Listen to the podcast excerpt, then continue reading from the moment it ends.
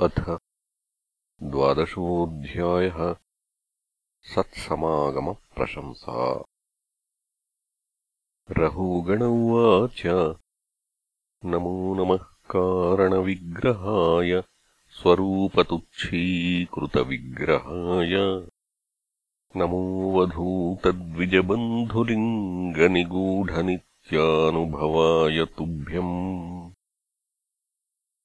ज्वरामयार्तस्य यथा गदम् सत् निदाघदग्धस्य यथा हिमाम्भः।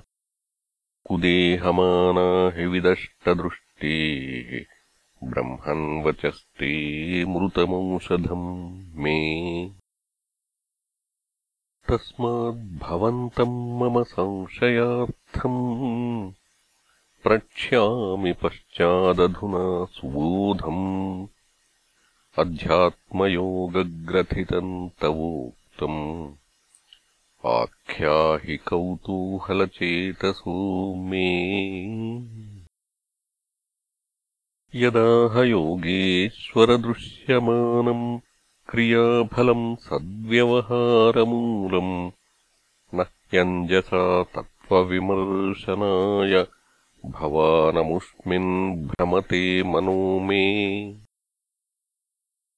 ब्राह्मण उवाच अयम् जनो नाम चलन् पृथिव्याम् यः पार्थिवः पार्थिवकस्य हेतोः।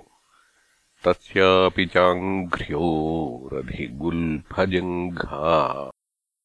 जानूरुमध्योरशिरोधरांसाः। अंसेऽधिदार्वीशिबिका च यस्याम् सौवीरराजेत्यपदेश आस्ते। यस्मिन् भवान् रूढनिजाभिमानो। राजास्मि सिन्धुष्विति दुर्मदान्धः। शोच्यानिमांस्त्वम् ह्यधिकष्टदीनान् विष्ट्यानि गृह्णन्निरनुग्रहोऽसि जनस्य गोप्तास्मि विकत् न शोभसे वृद्धसभासु धृष्टः यदाक्षितावेव चराचरस्य विदामनिष्ठाम् प्रभवम् च नित्यम्। तन्नामतोऽन्यद्व्यवहारमूलम् निरूप्यताम् सत्क्रिययानुमेयम्। एवम् निरुप् क्षितिशब्दवृत्तम् असन्निधानात्परमाणवो ये। अविद्यया मनसा कल्पितास्ते येषाम् समूहेन कृतो विशेषः। एवम् कृशम् स्थूलमणुर्बृहद्यत् असच्च सञ्जीवमजीवमन्यत् द्रव्यस्वभावाशयकालकर्मणाम्ना जयावेहि कृतम् द्वितीयम्। ज्ञानम् विशुद्धम् परमार्थमेकम् अनन्तरम् त्वबहिर्ब्रह्मसत्यम्।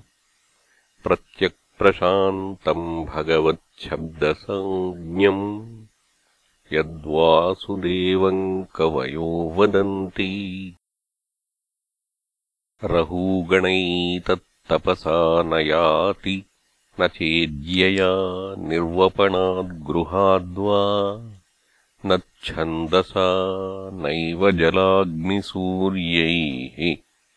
विना महत्पादरजोऽभिषेकम्। यत्रो श्लोकगुणानुवादः प्रस्तूयते ग्राम्यकथाविघातः निषेव्यमाणोऽनुदिनम् मुमुक्षोः मतिम् सतीम् यच्छति वासुदेवे। अहम् पुरा भरतो नाम राजा विमुक्तदृष्टश्रुतसङ्गबन्धः आराधनम् भगवत ईहमानो मृगो भवम् मृगसङ्गात् हतार्थः। सा माम् स्मृतिर्मृगदेहेऽपि वीर कृष्णाच्च न प्रभवानो जहाति। अथो अहम् जनसङ्गादसङ्गो विशङ्कमानो विवृतश्चरामि तस्मान्नरोऽसङ्गसुसङ्गजातज्ञानासिनैहैव विवुक्नमोहः।